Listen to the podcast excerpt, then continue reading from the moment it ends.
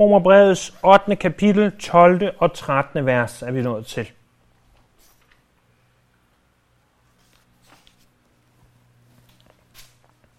Her skriver Paulus til menigheden i Rom.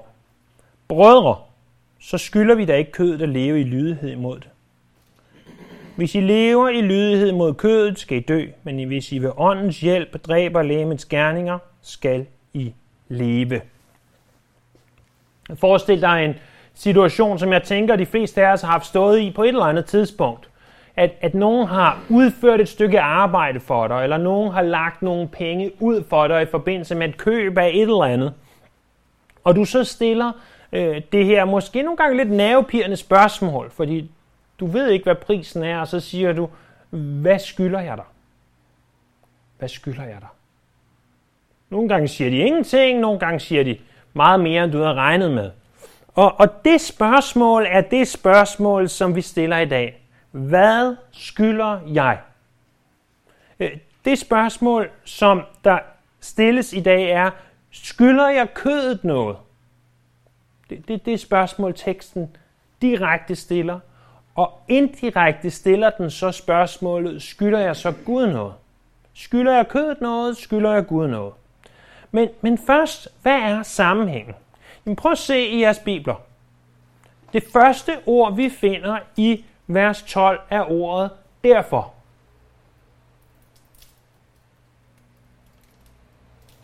Den opmærksomme, der ikke er faldet i søvn endnu, og som ikke har lavet varmen overtage sig, siger, jamen ikke i min bibel, ikke i dronningens bibel, der står ikke ordet derfor. Og det leder os til en ganske, ganske vigtig pointe. To vidunderlige lektier i at studere Bibelen. Den første er, at læs altid flere oversættelser. Øh, jeg taler ikke om i din daglige bibellæsning, hvor du læser igennem Bibelens bøger øh, i et kapitel, to, tre, fire kapitler ad gangen. Det er ikke det, jeg taler om. Men når du vil studere Bibelen og siger, at den her bog vil jeg kende, så er du nødt til at læse flere bibeloversættelser. En er ikke nok. I Bibelen på hverdagsdansk indleder man det med ordet altså. I den danske 1871 indleder man det med ordet derfor. I New King James, therefore. I uh, New American Standard, so then. Og, og hvis man læste på græsk, vil man se, at der ikke bare var, var et ord, der ikke bare et ord derfor, men noget, der ville kunne oversættes i retning af så derfor. Altså to ord, der næsten siger det samme. Hvorfor øh, oversætter man det sådan? Øh, jamen, og, og hvorfor er det så svært at få en entydig oversættelse? Det er, fordi sådan er oversættelse. Øh, lige så er vi ser en serie om aftenen, og nogle gange så er vi næsten ved at dø af grin over den måde, de, de oversætter det på. Det er så tosset, og det er bare for engelsk, som man kan sige, en stor del af verdens befolkning kender. Om det er maskinoversat, eller hvad de gør, det ved jeg ikke. Men, men i hvert fald, så selv der kan det være svært, især når det kommer til de her sådan lidt mere kringlede måder at sige tingene på, kan det være svært at oversætte. Hvorfor man i den danske bibel har valgt at udlade det her ord, det forstår jeg ikke, for det er faktisk et ekstremt vigtigt ord, øh, som burde have stået. Øh, derfor, komma, brødre, så skylder vi da ikke. Så, så ordet derfor er altså i teksten, det er bare ikke i dronningens bibel. Så første pointe i dag, læs flere oversættelser, hvis du vil være sikker på, at du får den rigtige forståelse af en tekst. Den anden ting, vi skal se om det her med at studere Bibelen, det er, at hver gang vi ser ordet derfor, så skal vi spørge, hvad det er derfor, eller hvad det er derfor. Hvad er det derfor? Hvorfor står der derfor? Hvad betyder det derfor? Det leder os til, at ordet derfor typisk får os til at se tilbage på konteksten, eller frem på konteksten, øh, omkring det ord, der står. Hvad er så konteksten? Konteksten er, at det burde være fastslået, det burde stå helt klart, at vi er retfærdiggjort ufortjent af noget, at prisen er betalt. Det er sammenhængen.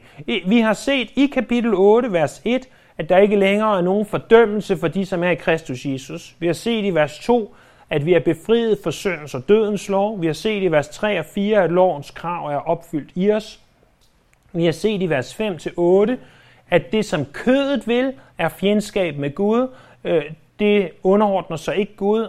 Vi har også set i vers 9 og fået gjort det klart, at vi som kristne er ikke i kødet.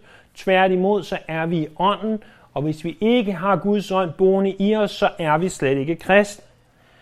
Men vi har også set i vers 10, at der stadig vil være en kamp, og vi har set i vers 11, at en dag vil vi stadig øh, vil vi blive fri. Hvad er betydningen af disse vidunderlige sandheder? Nu kommer Paulus til noget praktisk. Man hører så tit, at vi vil gerne høre noget praktisk. Ja, men prøv så at tænke på det her.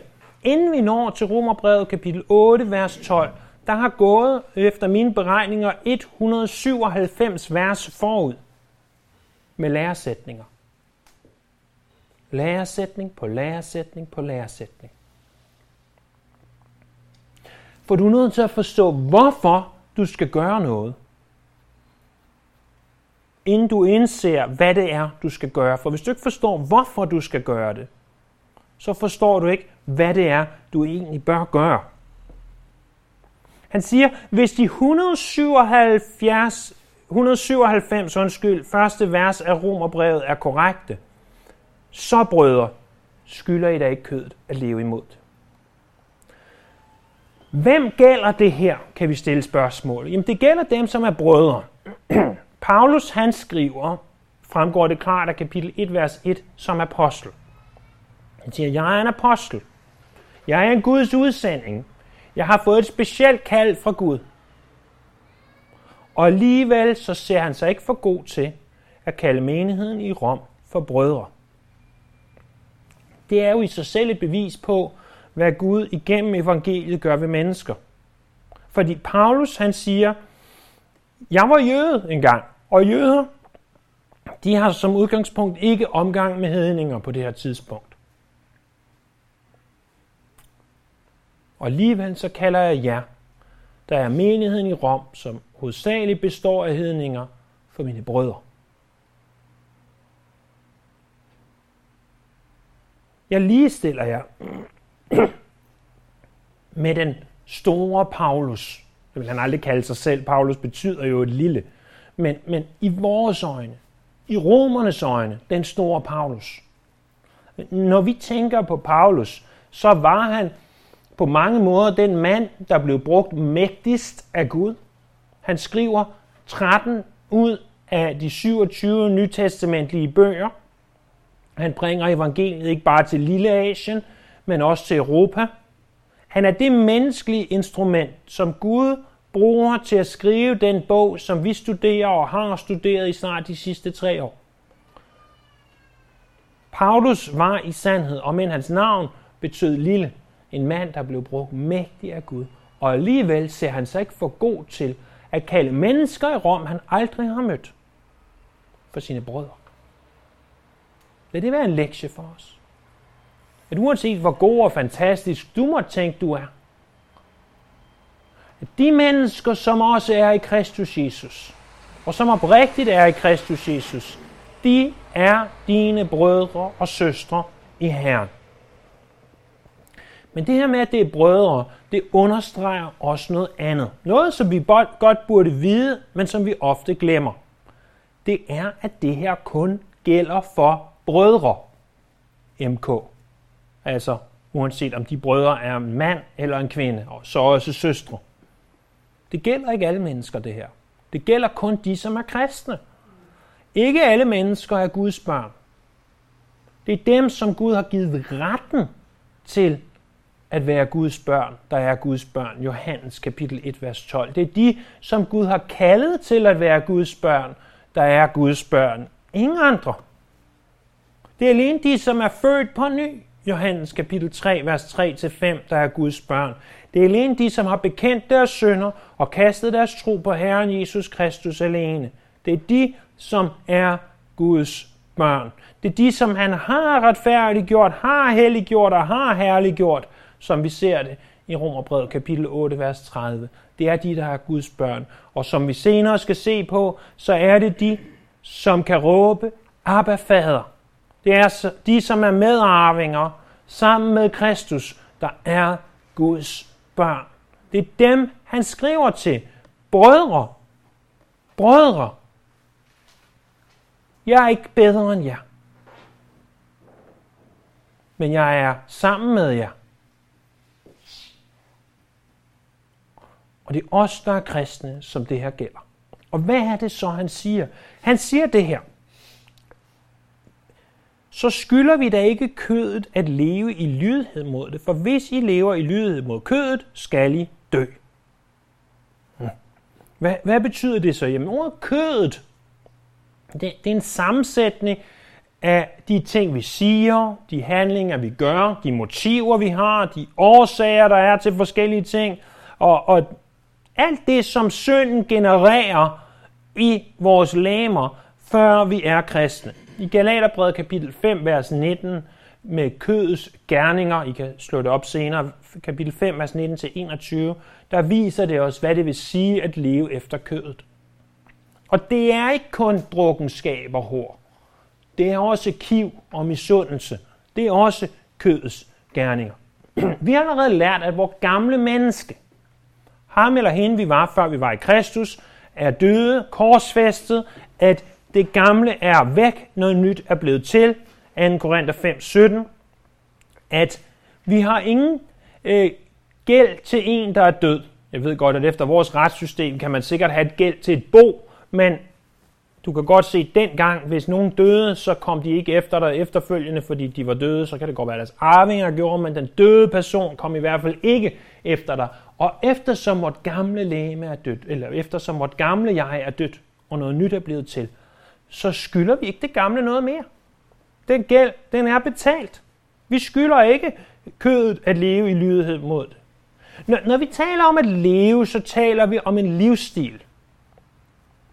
Øh, kødet er ikke længere vores livsstil. Det betyder ikke, at det ikke stadigvæk vil ske, men det er ikke vores livsstil. Hvad vil en livsstil sige? Jo, jeg læste noget i en bog her øh, i i går, tror jeg det var, hvor han, han illustrerer det her med livsstil. Han siger, en livsstil det er noget, der påvirker dig voldsomt. Forestil dig en person, der, der kommer for sent på arbejde. Og, og så siger chefen til ham, hvorfor kommer du for sent i dag? Og, øh, og han siger så, ja, men nu skal du høre. Jeg var rigtig god tid ud af døren, og så træder jeg ud af døren, og jeg bliver ramt af lynet. Og, og ikke nok med det, på vej hen til hospitalet, der kører ja, ambulancen galt og totalt smadrer ind i en kæmpe stor lastbil, og jeg bliver fuldstændig smadret. Og øh, derudover, øh, da de så kommer og henter mig en helikopter, så styrter helikopteren ned, og I kan se, hvor det her det bærer hen. Ikke? Det lyder som en rigtig god undskyldning. Hvortil at chefen så siger, jamen, hvordan i alverden kan du så stå her et kvarter senere, end du burde have været her, fuldstændig friseret, og dit tøj står pænt, og du har ikke en eneste skræmme i dit ansigt. Vi, vi ved jo godt alle sammen, at det bare var en dårlig undskyldning, det var en løgn, hvorfor han kom for sent. Han fandt bare på noget, det minder mig lidt om de her radioshows, Chris og Chokoladefabrikken, som kørte for snart mange år siden, hvor han også bare fandt på undskyldninger for at komme for sent. Kan I se, vi kan sagtens forstå, at hvis alt det her var sket med ham, så burde det have påvirket, hvordan han så ud. Der burde, han burde for det første ikke have stået der, han burde have ligget på hospitalet eller været død. Øh, I hvert fald, hans tøj ville ikke have set sådan ud, hans hår ville ikke have set sådan ud, han ville have skrammer, alle de her ting. Det ville have påvirket ham. Spørgsmål. Er Gud stærkere end et lyn? Ja. Er Gud stærkere end en lastbil? Ja. Er Gud stærkere end en helikopter, der styrter ned? Ja. Så, så hvis Gud er så stærk, hvis Gud er så mægtig, og han er i dit liv, hvis han faktisk bor i dig, hvis han er i dit hjerte, vil det så ikke have påvirket dit liv? Vil det så ikke påvirke, hvad du gør? Og hvis din livsstil overhovedet ikke er påvirket af Gud, hvis der ingen påvirkning er, er du så virkelig Kristus af det spørgsmål, som bliver stillet? Hvis du lever i lydighed mod kødet, hvis din livsstil er at leve i lidighed mod kødet, så skal du dø. Det han ikke siger er her, at vi kan gå frem og tilbage som kristne, og indimellem nogle dage, onsdag og lørdag, der lever vi efter kødet, søndag og tirsdag, der lever vi efter ånden, de resterende dage, de er neutrale. Det er ikke det, han siger. For hvis den kristne er i Kristus, så er vi altid i ånden. Det betyder ikke, at vi ikke gør ting, der er forkerte. Det betyder ikke, at vi ikke synder. Men vores livsstil, og det er det, jeg gerne vil understrege med den øh, latterlige øh, illustration om lynet og lastbilen osv. Vores livsstil, det der er alt dominerende, det der overskygger vores liv, det der gør, at vi siger ja til at stå tidligt op på en søndag og komme i kirke tidligt, bare fordi det er varmt. Øh, det, der siger ja til, at vi sidder her, selvom vi godt ved, det er varmt. Vores livsstil. Vores livsstil påvirkes af det her. Så han siger, du er nødt til at se på dig selv. Hvad er din livsstil? Og hvis din livsstil er kødet, så skal du dø, for så er du slet ikke en kristen. Så er du slet ikke en kristen. Og han siger, brødre, derfor skylder vi ikke kødet noget. Du har intet med kødet at gøre. Kødet, det er dødt. Og som vi skal se næste gang, så er kødet dødt, men det spørger stadig. Synden spørger stadig. Øh, vi kan udtrykke det sådan her, at gælden til kødet, den er så stor, vi aldrig nogensinde kunne betale den. Vi vil aldrig nogensinde kunne have fællesskab med Gud, hvis vi selv skulle betale regningen. Men der var en anden, der tog regningen for kødet og betalte prisen. Der var en anden, der tog regningen til kødet og betalte prisen. Vil det ikke være rart næste gang, du spørger nogen, hvad skylder jeg? Og de så siger, du skylder 10.000 kroner, og så der kommer en anden og tager regningen og siger, det skal jeg nok betale for dig. Det er jo altid rart, når, når nogen gør sådan noget for en. Og, og det er jo det, Jesus i en uendelig større grad har gjort for os. Jeg ved godt, det er så simplificeret, så banalt på mange måder at øh, forstå det på. Men vores tanker er simple. Vores forståelse er desværre også ofte banal. Og det er det, vi forstår.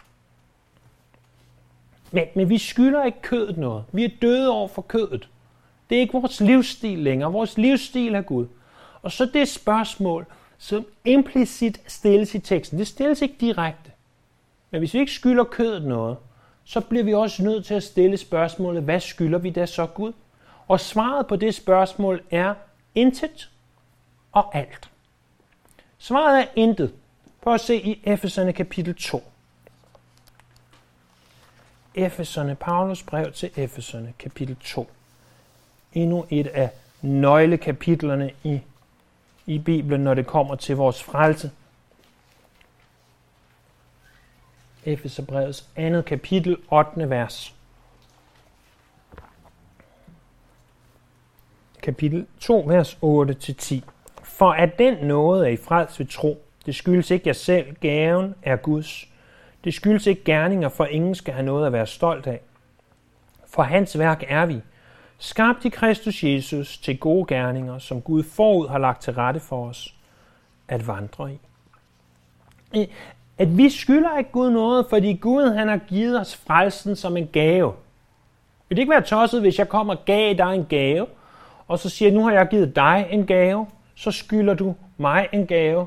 Sådan er det lidt med min bror og jeg fordi vi har fødselsdag to dage fra hinanden. Og så nogle år, der køber vi ikke en gave til hinanden, og andre år, der siger vi, skal vi bytte, skal vi bytte gaver i år. Og det er næst, princippet kunne vi lige så godt, hvis vi havde kontanter, eller man kunne også gøre det med MobilePay, den ene kunne overføre x antal kroner til den ene, og så den anden det samme beløb tilbage igen. Så, så tåbeligt er det jo næsten for os. Vi bytter nærmest bare gaver. Men, men en rigtig gave, ikke sådan en, en gave, man, man bare gør, fordi nu skal der være nogle gaver. En rigtig gave, man kommer og giver, hvis det virkelig er en gave, og jeg siger, værsgo, her er en gave, så skylder du mig jo ikke noget. Ikke engang en lavkage. Så, så er det ikke en virkelig gave. Og det er det Gud, han giver. Han giver frelsen gratis, uden omkostninger, og vi skylder ham intet. Og så alligevel, så skylder vi ham alt. Ikke fordi han kræver betaling, men fordi du er et nyt menneske, og hvis du er et nyt menneske, så vil du ønske at skylde ham alt. Hvad sang vi for lidt siden? Jesus paid it all. All to him I owe. Jesus har betalt det hele. Jeg skylder ham alt. At du vil ønske at vise ham taknemmelighed for skaberværket. Og jeg håber, du ser skønheden i alt det skabte. Jo længere jeg vandrer med Herren, og nok også jo ældre jeg bliver, jo mere værdsætter jeg skaberværket. Bare i går aftes at, at se ud på månen, og den står der i, i sin ikke klare farve, men i den farve, den nu engang havde næsten ubeskriveligt at tænke, tænk så, at Gud har skabt månen.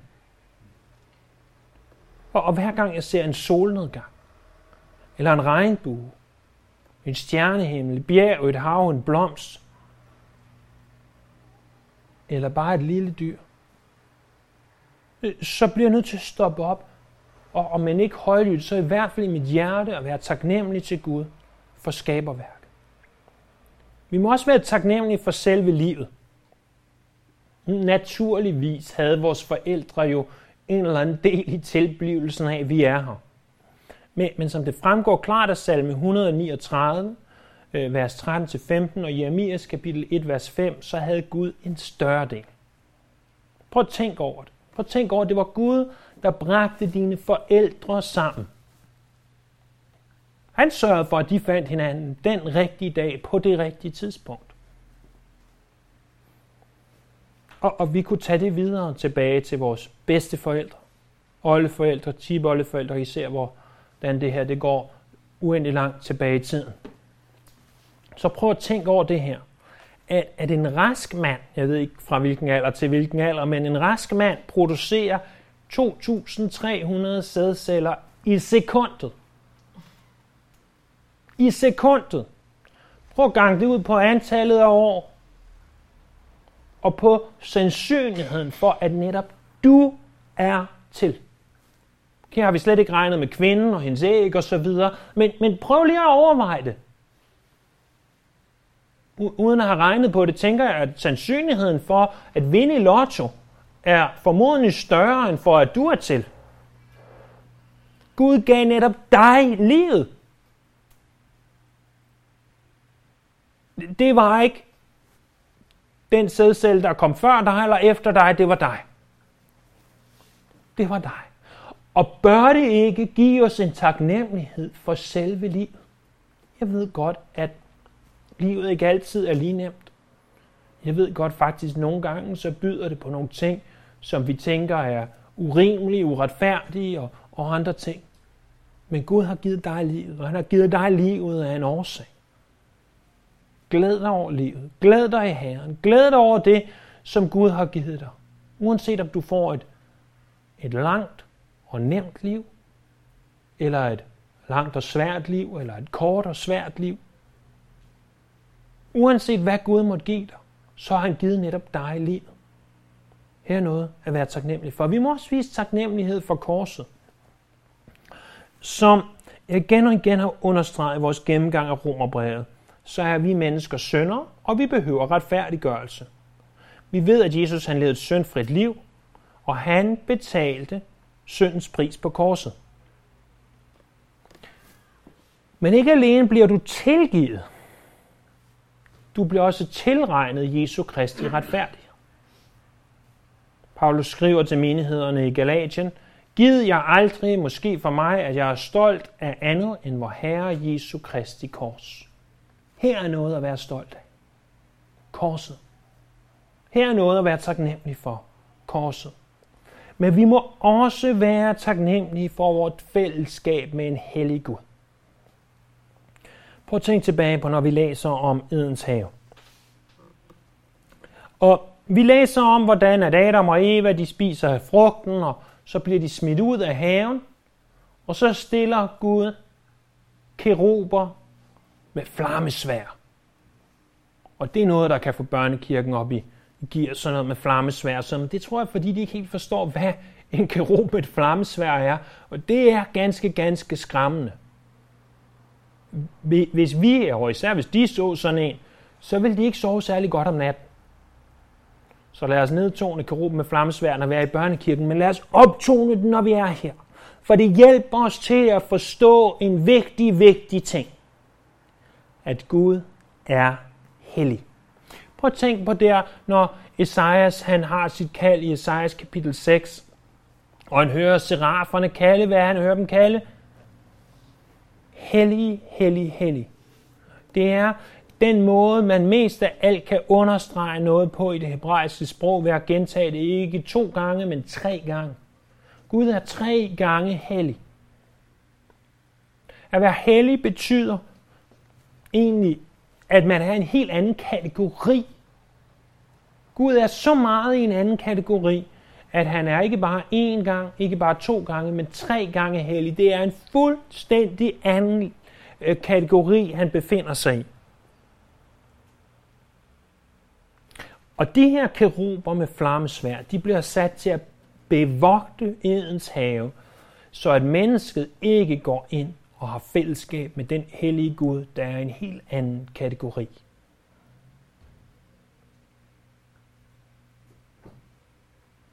Men på grund af Jesu blod har vi mulighed for at have fællesskab med denne hellige Gud. Vi kan sige, at en af de ting, blodet gjorde, var, at det tog keruberne med flammesvær væk. Det fjernede dem. Således vi igen har adgang til fællesskab med den hellige Gud. Og vi er taknemmelige for det fællesskab. Så, så hvad skylder vi Gud? Vi skylder ham intet. For frelsen, fordi prisen er betalt. Vi skylder heller ikke kødet noget, fordi det er dødt for os. Men fordi vi er frelst, så skylder vi alligevel Gud alt. Ikke en gæld, som skal afbetales, men fordi at han har givet os et nyt hjerte. Vi skylder ham som en brud at være hengiven til vores brudgom. Vi skylder som en søn at være hengiven til sin far. uden at det her misforstås. Så, så prøv lige her til øh, slut at slå op i 1. Peters brev, kapitel 1, vers 15. Og det her bliver også næste gang ganske, ganske centralt. 1. Peters brev, kapitel 1, vers 15 og 16. Kapitel 1. 1. Peter, kapitel 1, vers 15 og 16. 1. Peter 1, 15 og 16. Her skriver Peter, Men ligesom han, der har kaldet jer, er hellig, skal også I være hellige i hele jeres livsførelse for der står skrevet, I skal være hellige, for jeg er hellig. Når, når Gud placerer keruber med flammesvær, fordi Gud er hellig. Når Gud har seraferne råbende til hinanden, hellig, hellig, hellig, er herskers herre. Og, og vi begynder at forstå, hvad det betyder. Og Gud så siger til os, jeg er hellig. Jeg er i en anden kategori. Jeg er anderledes. Jeg er sat til side til et specielt formål, om du vil. Sådan er jeg. Og så han siger til dig, sådan skal du også være. Så leder det os til læren om helliggørelse. Og det er det til, vi kommer næste gang, vi ser på Romerbrevet sammen. I det, at det næste, som Paulus han skriver til menigheden i Rom, hvis I lever i lydet mod kødet, skal I dø.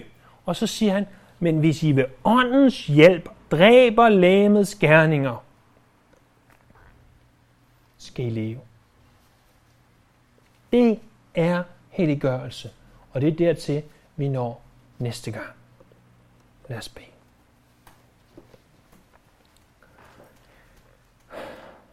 Himmelske Far, skaber Gud.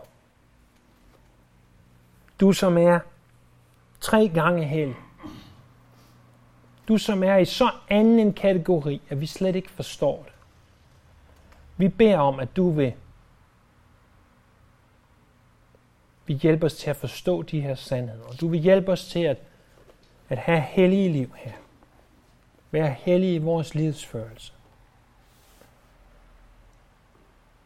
At når du har taget bolig i os, så vil det påvirke vores liv. Og her vi ser frem til næste gang at begynde at se på, hvordan det påvirker vores liv. Hvad det vil sige at dræbe lægemets gerninger her. Vi priser dig, vi ærer dig, og vi lover dig. Amen.